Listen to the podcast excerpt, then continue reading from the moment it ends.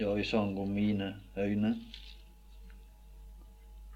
Det spørs hva øyet som ser. For Gud er denne person. Han er alt. Så er det spørsmål Så er det spørsmål om øyensalve. Øyensalve for at vi kan se det som Gud ser. Våre øyne er mest evna til å sjå den guddommelige herlighet. For oss er det slik at overalt herlig er der et dekke. Men Gud han er ikke noe dekke når han skuer sin sønn. Og på Golgata var han den som fullt ut tilfredsstilte Faderen. Det er ikke noe som kan avdekke en gjenstand sin kvalitet som ei prøve. Derfor ble han satt under trykk, han ble satt under press, han ble satt under varme, og hans kvaliteter de kom ut, og de er kjent for Gud. Og de kan ikke prøves mer enn de er prøvd. Derfor er det spørsmål om å sjå det Gud ser. Når mine øyne skue kan.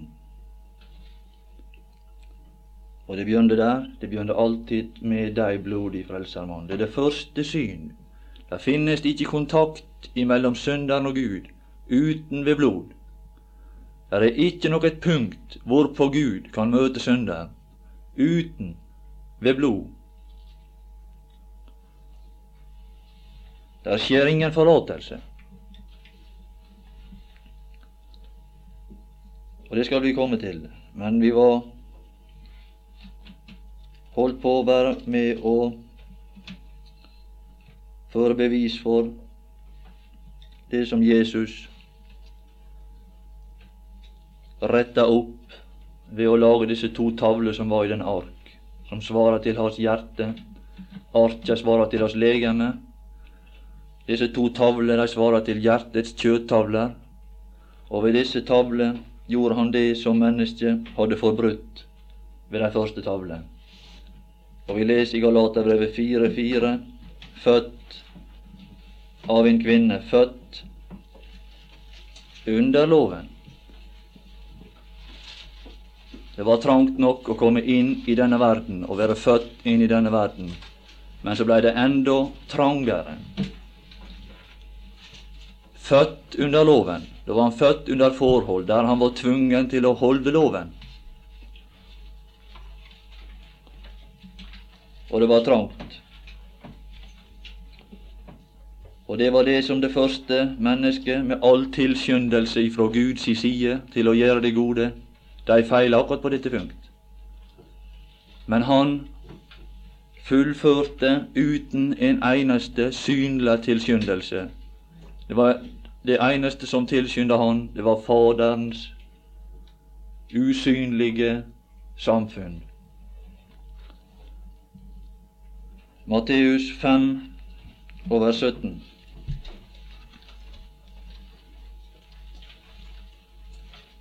Jeg er ikke kommet, sier han, for å oppheve loven. Det var umulig å oppheve det som Gud hadde sagt. Det kunne ikke oppheves. Derfor sa Gud til sin sønn, gjør deg to stentavler like som de første, som de som du slo i stykker. Du kan ikke slå i stykker og bringe disse lover ut av konsekvens for ditt folks vedkommende uten at du må ta konsekvensen for det sjøl. Men jeg er kommet for å oppfylle, og det var mye verre. Det var å oppfylle det som var skrevet. Det var det som mennesket ikke kunne, det som var umulig for loven. Det gjorde Gud, og han gjorde det i sin sønn. Gud ikledde seg denne ark, som er et menneskes lignelse. Og i denne ark fullførte han det som mennesket ikke kunne.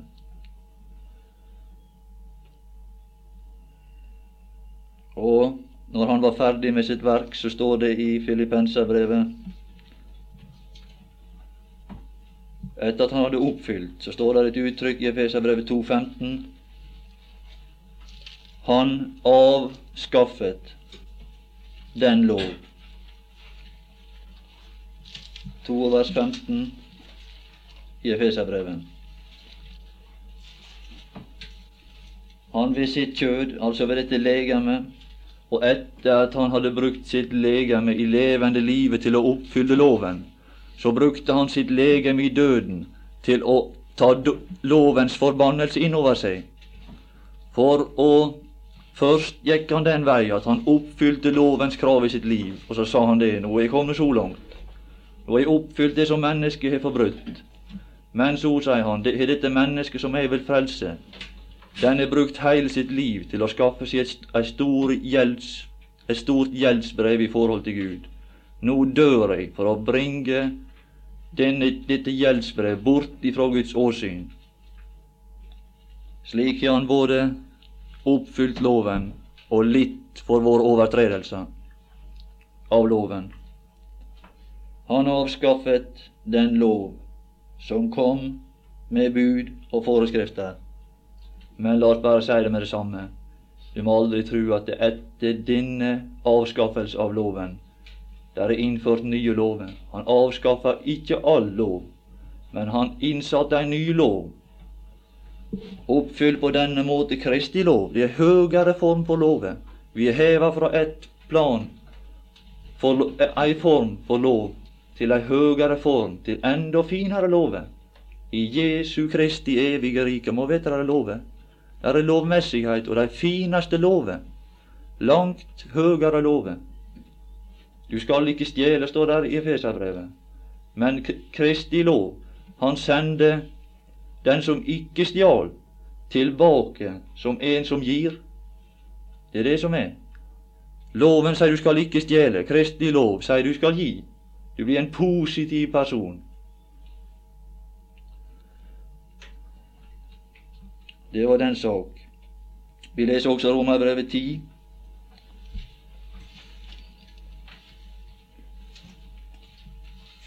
Og vers 4. For Kristus er lovens ende, eller oppfyllelse. Han er lovens ende, og når han er lovens ende, så dør han til rettferdighet for hver den som tror. Og det finner vi sagt andre plasser. Det står det i det femte vers her, ja, vi kan lese også det. For Moses skriver om rettferdigheten av loven det mennesket som gjør disse ting, skal leve ved dem. Veit du for, en person dette prinsipp kom til anvendelse på? Det var bare én person. Det er bare én person dette prinsipp er kommet til anvendelse på, og det er den Herre Jesus. Han hadde liv i kraft av det han gjorde, for han oppfylte alle detaljer. Han var et uttrykk for den guddommelige vilje i alle sine ting. Og han hadde retten til å leve på grunn av det han var. Og denne rett delte han med oss, som hadde forbrutt alt. Han blei stamfar til en ny slekt.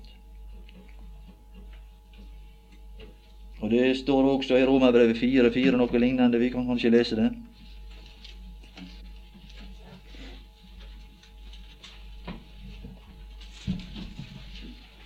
Men den som har gjerninger Det er vel kanskje mange som tror at de er mye gode gjerninger. Folk i Norge i dag som tror de skal møte Gud og, og det skal gå vel av sine gjerninger. Jeg kjenner bare én person. Den som har gjerninger, det er vår frelser. Det er vår frelser. Han hadde gjerninger. Ham tilregnes lønnen, ikke av nåde, men som skyldighet. Han hadde lønn på grunn av det han var. Og vi er de som blir tilregna. Vi, vi også kan få lønnen men vi får den bare fordi han fikk den. Og så deler han det som han fikk på grunn av sitt liv, deler han det med oss. Og slik var det Det er mange bilder på dette. Men Noah står der var én rettferdig mann. På grunn av at han fant én rettferdig mann, så bygget han en ark til frelse, ikke for seg sjøl. Det står ikke noe om at han bygde for seg sjøl. Han bygget en ark til frelse for andre. For han hadde noe, så kunne han dele med andre. Slik er han et bilde på Kristus. Ved den fordømte han verden og ble arving entall. Den ene arving. Men så deler han sin arv med andre til rettferdigheten av tro. Vi skal lese femte Mosebok 10.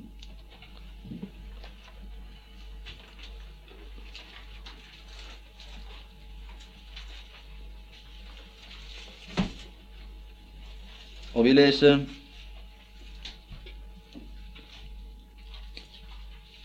For de som ikke har vært her før, dette vanskelig, men dere får ta med det som For vi har holdt på i to timer med dette, og det kan være litt vanskelig å komme midt inn i sammenhengen. Vi leser vers 5. Så vendte jeg meg. Så vendte jeg meg. Ja, det er godt å være hos Gud. Ja, det er det. Det var godt for Guds sønn å få flykte til Gud, menneskesønnen som er i himmelen. Der likte han seg vel, men så hadde han også evne til å komme ut ifra Gud og Guds samfunn og meddele seg i denne verden. Han hadde den evne som så mange, mange mangler. Vi liker å være hos Gud i hans nærhet, men når vi kommer ut iblant mennesker, så mangler vi så ofte disse krefter som må til for å gjennomføre de guddommelige prinsipp i verden for å være god, for å være det som vi skulle, og innerst inne ville. Så vendte jeg meg, men her er en som hadde evne til det, og gikk ned. Så gikk han ned. Så kom han ned til denne verden, så var han i verden, og så gjorde han det verk som var nødvendig for å skjule en synder og for at det kunne heite det at dersom noen er i Kristus, da er han en nyskapning. Det gamle er forganget, og alt er blitt nytt i Guds øyne. Og det som er nytt, går det an å oppleve. Og i det nye kan vi leve, i det nye kan vi oppholde oss. Men det var ingen som kunne før. Før dette skjedde, var han den ene som kunne. Han var den eneste som kunne bevege seg fra det lave til det høye, Moses alene skal gå nær til. Du skal avmerke en grense og holde folket utafor denne grense. De må ikke gå nær til.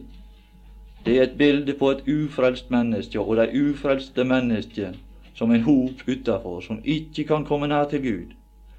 Men etter at dette var sant, og dette er gjort, som her er tale om, så står det at Moses kalte på dem, og de gikk nær, da kan alle komme nær og sjå det det skinn og den kraft som går ut ifra denne personen.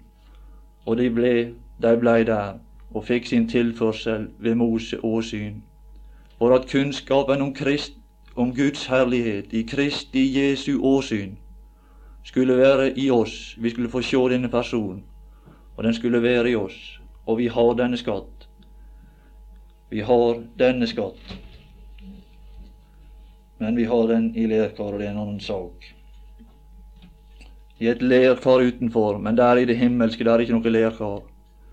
Der er ei ark pryda med gull, men ute i denne verden er det et lerkar. Det er det nye mennesket i himmelen.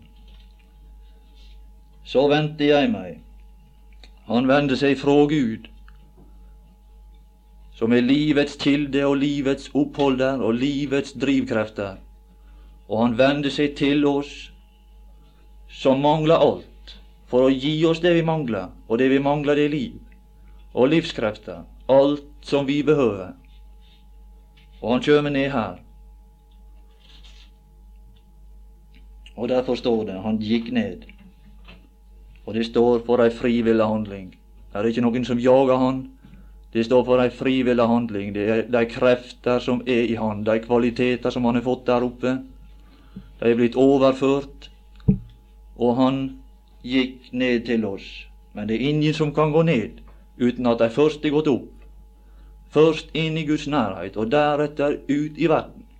Slik var det i Jesu liv. Menneskesønnen er i himmelen, Og fordi han er i himmelen, er han kraft til å gå ut iblant mennesker. Vi gjør forsøk hverandre, og det mislykkes alltid. Det er det som er vår fare. Der ligger avstand mellom oss og vår Gud. Vi opplever ikke de himmelske ting. Det er ikke realiteter for oss. Derfor taper vi. Derfor er vi tapere. Derfor kan ikke vi meddele oss til verden. Og han gikk ned, og vi veit hvor han enda. Han gikk så langt ned som det noen kunne komme. Da han gikk til bunnen, der er ingen som kom etter han. Han gikk til ende, og der døde han legemla, og han døde på en måte også som Gud. Og det er bare fordi at Gud oppreiste han. Derfor er han kalt tilbake. Han er kalt tilbake, og vi er kalt tilbake sammen med han. For han døde ikke for seg sjøl, og han oppsto heller ikke for seg sjøl. For han hadde ikke behøvd å dødt hvis han var der som seg sjøl. Ja, men disse tavler og dette legemet som han fikk, de taler om harmonien mellom et guddommelig hjerte og et guddommelig legeme. Men skulle dette få betydning for oss, måtte mer gjøres. Der måtte mer skje. Og de ble liggende, står der. Der ble de liggende. La tavlene i den ark jeg hadde gjort. Legg merke til det han understreker det. Den ark som jeg hadde gjort, og det taler om hans legeme, hans jordiske legeme. Det som mennesker kunne sjå. Den Moses som var der oppe, kunne ikke mennesket sjå. Det taler om han som den levende Guds sønn, som kan bevege seg både i himmelen og på jorden.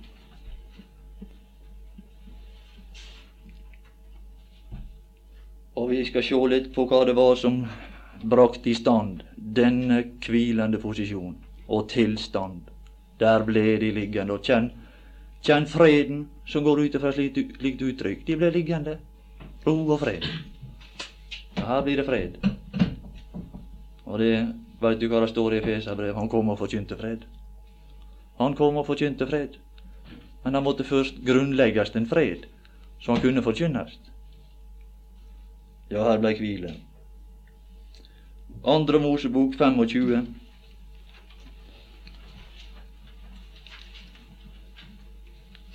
Og vers 17. Her får vi vite hva det var som skulle være over denne ark med disse tavlene. Her må mer gjøres.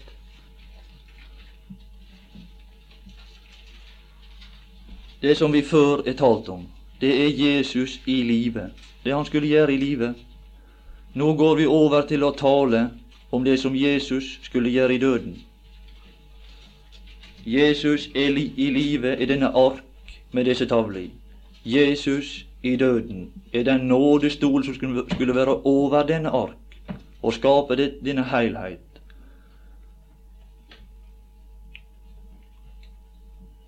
Så skal du gjøre en nådestol disse to nådestolene og arket, de er i og for seg to adskilte ting, like så vel som Jesu liv og Jesu død er to vidt forskjellige ting. Men sammensatt utgjør de et heile, som er det som er nødvendig for å skaffe til veie frelse og et skjulested i helligdommen. Arket er det eneste sted der et menneske har plass til å skjule seg. De andre ting er for å åpenbare den nye naturs fullkommenheter. Og Gud bruker bare én ting til dette. Han holder ikke på med vår natur i det uendelige. Han bruker én ting, og så er han ferdig med den sak. Og det må vi også bli ferdig med. Men legg merke til hvor helst vi er ferdig med dette. Vi er ferdig i forbindelse med troen. Fordi at nådestolen, det var der som Gud hvilte over. Det var, der var hans trone. Det var din innerste plass i helligdommen. Og det er ordna i forbindelse, alt i forbindelse med vår frelse, er ordna i samsvar med Guds trone. Og Gud hviler derover, og vi må aldri tvile på dette verk. Vi kan være fulle av ro og hvile med hensyn til disse ting. For Gud er ordna det til si tilfredshet, og vi behøver ikke gå utafor helligdommen og være engstla på den grunn. Nei, det er ikke noe å være engstla over. Ingenting. Men begge disse to ting som vårt laga her, er nødvendige, og til sammen danner de vitnets, vitnesbyrdets ark, står det i det 21. vers. Vitnesbyrdets ark, som taler om vitnesbyrdet. Andre Mosebok 25 og vers 18, ja. Det er der som vi holder på. Og du skal gjøre to kjeruber av gull i ett med nådestolen. Og Jesus i døden, han er uløselig knytta til to kjeruber. Og hva, hva finner du dem? Du finner dem i Edens, foran veien til Edens hage. Der finner du disse to kjeruber. De er omtalt der. Og han er uløselig knytta til disse to kjeruber i sin død. For han fikk med disse to kjeruber å gjøre, vår frelse. Og disse to kjeruber, de var ikke stort ikke der for å klappe folk. Der sto de med et sverd. Og vår frelser, han er den som er passert disse to kjeruber.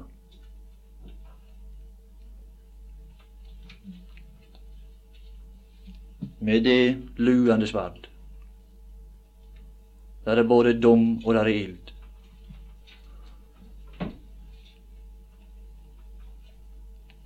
Gud drev mennesket ut, står der. Vi skal lese i Første Mosebok 3.24. Så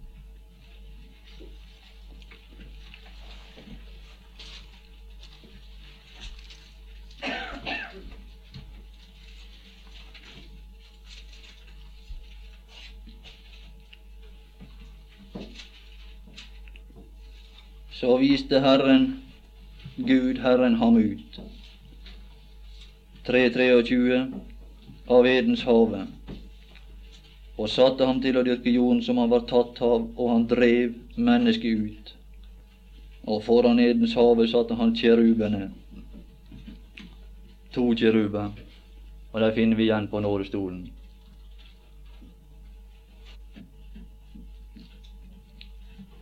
Med det luende sverd, som vendte seg hit og dit for å vokte, er hensikten, for å vokte veien til livsens tre. Og denne nådestol taler om veien tilbake til dens tilstand, til den fullkomne tilstand i harmoni med Gud. Og du må vite der er en vei ut, og der er en vei tilbake. Og det er ikke veier, det er veien. Det er veien som han gikk, vår frelser en dag. Og det er den vei som han begynte på da han sa det. Da han satt på salen, så sa han det. Stå opp, la oss gå herifra. Han gikk ikke for seg sjøl. Han tenkte ikke først og fremst på seg sjøl. Men han sa det når han skulle gå, så sa han han lot den være, la seg han her. Han lot den være, og så gikk han sjøl. Han var den eneste som kunne gå denne vei. Han er den ene som bare tenker på andre, og han gikk veien tilbake til livsens tre, og han er kommet inn igjen i den fullkomne tilstand, og han er laga en vei tilbake til Gud. Og de var på veien til ham, står det i Johannes 4, i forbindelse med den samaritanske kvinnen. Hun har sett inn i dette. Kom og se en mann. Kom og sjå denne vår Frelser, som er gått veien tilbake, og de var på veien ikke veiene, men veien til Han. Det går an å gå på denne vei, og det går an å komme til Han. Og det går an å bli frelst, og det går an å få et nytt liv, en ny begynnelse. Og det går an å komme inn i Guds himmel og ete av livets tre, som er i Guds paradis.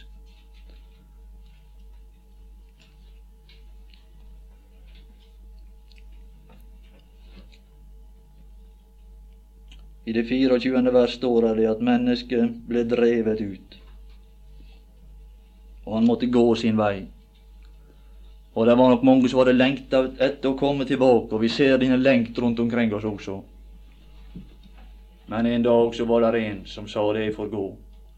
Så får jeg gå veien tilbake til livsens tre og bringe det som kom ut av harmoni tilbake til den fullkomne tilstand, og han er gått tilbake. Og han er tatt igjen alt det som de tapte. Der inne. Der inne er han kront. Der inne er han vunnet tilbake alt det som han tapte. For vi har fått beskrevet for oss det han tapte. Si verdighet, si herskermakt, alt som mennesket tapte. Det er Guds sønn vunnet tilbake ved å gå veien til livsens tre.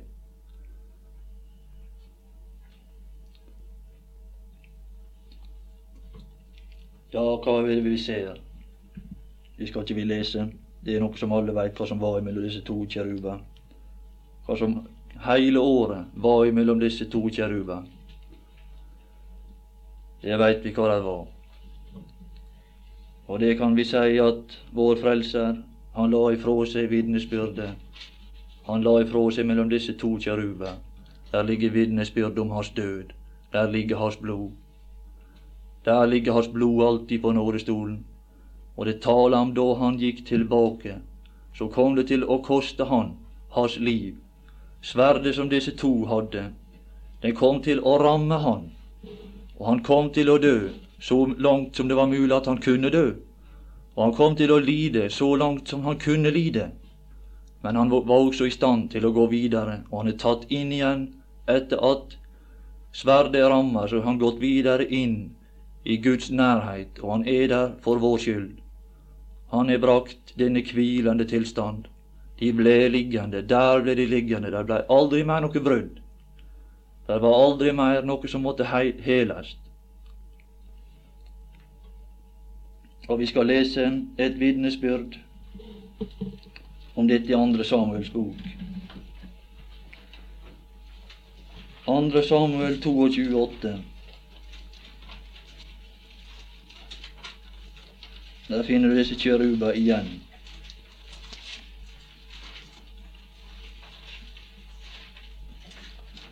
Her er det tale om David, men vi er for så vidt ikke i denne omgang interessert i ham.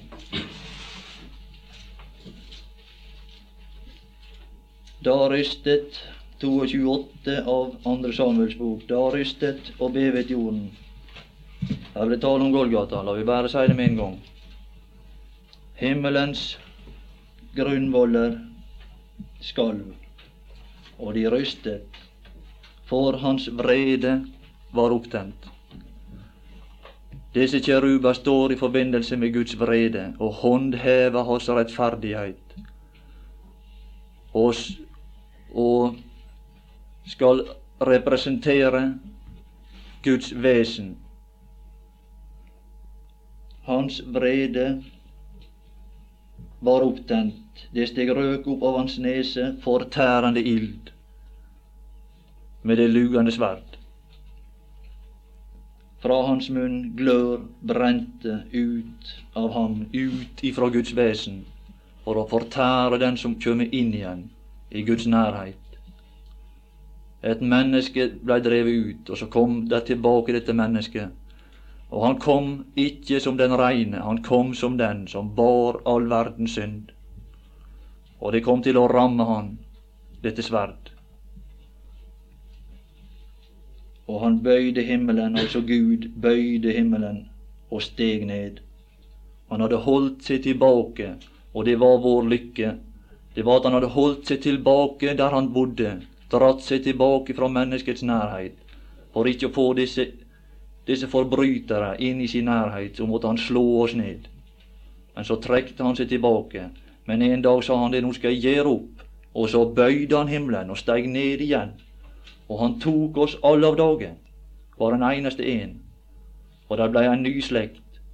Men denne slekt som han tok av dage, den greide han å beholde, i og med at han så bort ifra oss og straffa sin sønn, så lot han oss få gå. Og etter at han hadde latt oss gå, så kjem han tilbake og tilbyr oss frelse. Frelse for syndere uten tall. Frelse for evighet. Og han for på kjeruber og fløy. Det er kjerubene med det luende sverd. Han for på kjeruber og fløy, og han lot seg se. Han lot seg se, og han har latt seg se ved denne handling Der kommer noe av Guds vesen fram. Og det som kommer fram, det er Guds rettferdighet. Gud viser sin rettferdighet på denne måte at Kristus døde for oss mens vi ennå var syndere. Og han gjorde mørket til skjul rundt omkring seg. Det ble mørke på Golgata. Og der er dette mørket der ingen kunne sjå. Der skjedde dette som nådestolen taler om. Der rammer dette sverd han, og ingen har sett hva da ditt hjerte led. Ingen har sett det, og ingen kan utgrunne det. Det bare kommer nåde ut ifra dette mørket. Og før han døde, så bad han for overtrederne. Slik er hans vesen. Det er ingen som forstår det, og aldri fatter jeg vel her hva der ditt hjerte led. Og han gjorde mørket til skjul rundt omkring seg. Vannmasser, det er et av de to element som Gud bruker i dom. Vann og ild. Vannmasser og mørke skyer. Tykke skyer. Frem av glansen foran han brente, gloende kull. Det er slike uttrykk som er udefinerbare. Det er så voldsomt at vi kan ikke fatte det. Det er bare skrevet ned for å gi oss et inntrykk, og for å bringe oss en forståelse av hva dette er for noe. Og kanskje kan det stige opp ei takk til Han som kjøpte oss til Gud med denne pris, som gikk denne vei fordi Han ønsker å få oss inn igjen i det guddommelige nærvær.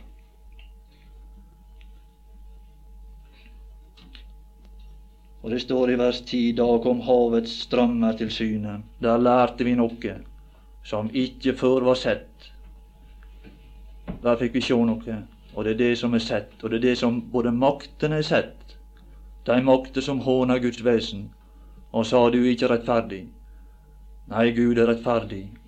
Havets strømmer kom til syne. Jordens grunnvoller ble avdekket ved Herrens trussel og hans neses åndepust. Og der er det slutt. Der er dommen slutt, men la det være. Det skal ikke vi ta noe med om, om oppreisning her i dette tilfellet.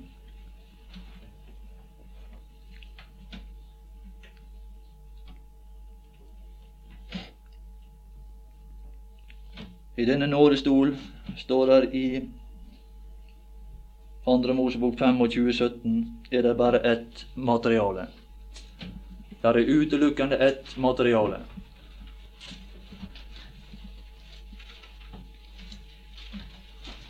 Og det er gull.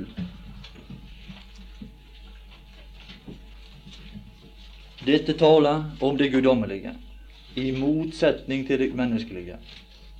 Det finnes ikke noen ting om menneskelig i denne nådestol. Men det guddommelige det at denne nådestol er tiltenkt mennesket. Men det kan ikke være noe av mennesket i dette. Mennesket får ikke delta her. Det er der mennesket må holde seg tilbake. Og Gud og Faderen og Sønnen er alene om dette verk. Det er det guddommelige verk alene. Og det er dette verk som legger et grunnlag under enhver synder til rettferdighet for hver den som tror. Det taler bare om én ting, og vi finner det det taler om i Romerbrevet 321. Det er bare én ting denne nådestol taler om. Guds rettferdighet. Guds rettferdighet, det som tilhører Gud, som Gud er aleine om. Det er det guddommelige aleine.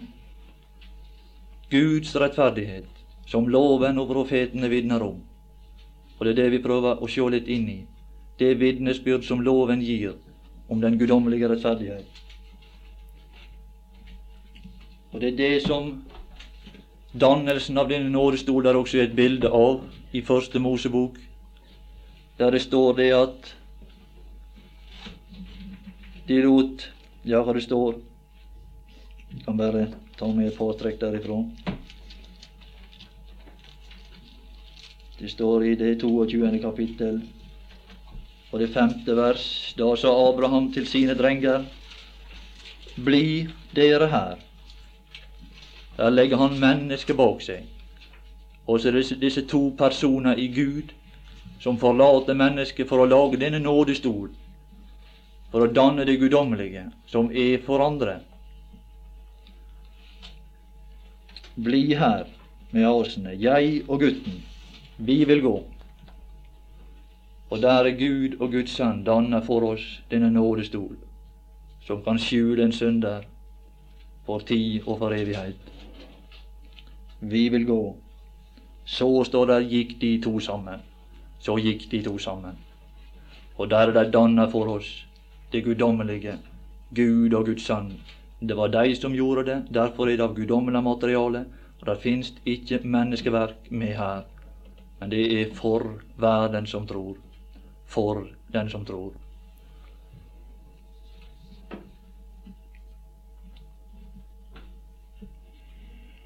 Og der på Golgata blei denne gjenstand, denne enhetlige gjenstand, som der ikke var noe menneskelig i, og som ikke noe menneske kan lage, fordi den, den er et kunstverk som overstiger alt det som ellers er sett. Det er ikke sveisninger, det er ikke lodninger. Den er laga av et enhetlig materiale og er en eneste gullklump, danna til noe som den ikke var. Og fra å være verdifull, så ble den enda mer verdifull ved denne behandling og ved dette verk. Som denne ene talent gull hadde han betydning og verdi for Faderen, men han hadde ingen verdi for oss.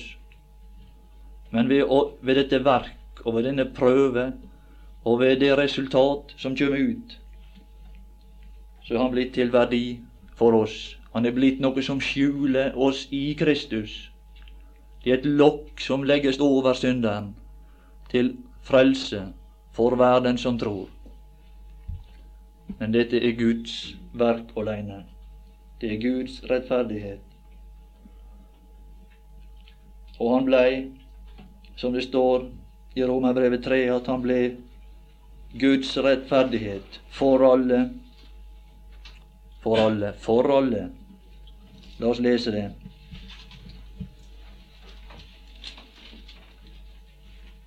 Som er tilgjengelig for alle, betyr det.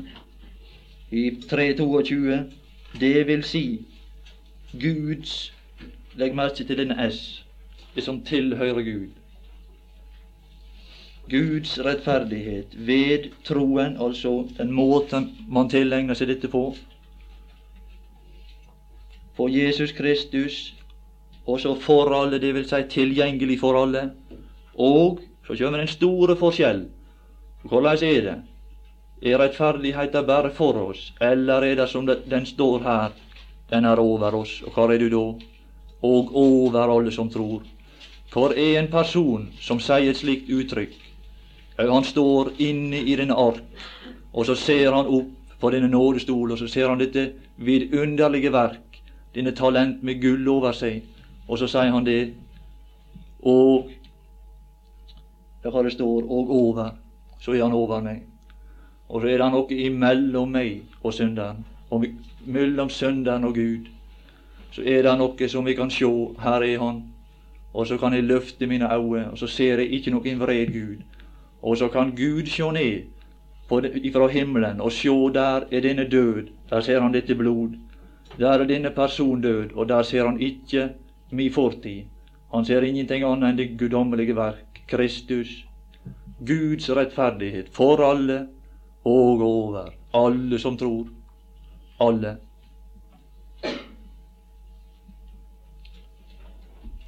Skal vi lese og leste man med Paulus andre Korinterbrev, og vi skal snart slutte. Andre Korinterbrev.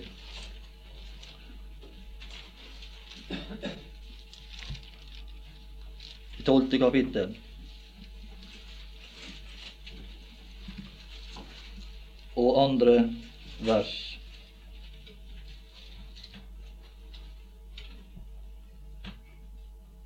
Jeg kjenner. Ikke jeg er. Nei, jeg kjenner. Jeg kjenner det jeg er. Det er det spørsmålet om. Jeg kjenner et menneske. Menneske i, i Kristus. Kjenner vi oss der? Kjenner du det der? Er vi kjent der? Kjenner vi oss? Kjenner vi den trygghet som det er å være i denne personen? Og der står ikke det at jeg kjenner et menneske i Jesus. Nei, for Jesus på jord, han er ingenting til skjulested for synderen. Jesus på jord er denne ark med disse tavler i, som er tilgjengelig og synlig for alle. Og det er in, intet skjulested for en synder. Han fordømmer oss ved sitt liv, men så blei han i døden. Han var ferdig med det verk som han måtte gjøre for oss. Så døde han og blei denne nådestol, og så sier han det, nå kan dere flytte inn her. Kan dere flytte inn, og jeg kjenner et menneske i Kristus. Å, det er godt å kjenne seg der. Og de faller så til ro, og så opplever vi denne hvilende tilstand. Der ble de liggende. Ligger du der? Hviler du der? Er du fred og ro? Er, er du langt fra angst, som det står i salmen? Vær langt fra angst. Det er ingen fare for ingen kan straffes med døden to ganger. Der ligger vitnesbyrdet om at den som er død, er ferdig med synden. Ja, vi får bare slutte av dette. Det står det at i romerbrevet her at 3-24 skal det være.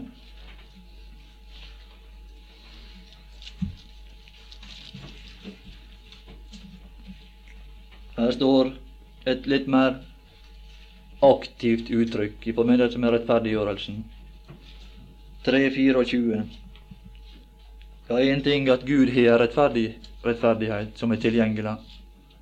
En annen ting er det som står her, og de blir rettferdiggjort. Det er ei aktiv handling ifra Guds side. Og vi må ikke tro at det er slik at vi går inn i den ark. Nei da. Nei da. Det er Gud som plasserer oss der. Han rettferdiggjør oss. Han påfører oss denne rettferdighet. Det er bare å ta imot. Ta imot ved tro, ved troen på Kristus Jesus. Så er den der med en eneste gang. Og det er ikke vi som går inn. Det er Han som påfører oss Kristus for å gi oss den rettferdighet som vi mangler. De blir rettferdiggjort uforskyldt uten grunn. Og hva er drivkreftene? Hva er drivkreftene for alt dette? Av Hans nåde. Det er det som er drivkreftene til alt dette. Han ser i retning av oss, og så ser han mot oss i nåde. Og fordi han ser på oss i nåde, så ser han bort ifra oss i dom. Og så ser han hen til Kristus i dom, for å danne noe for oss til frelse.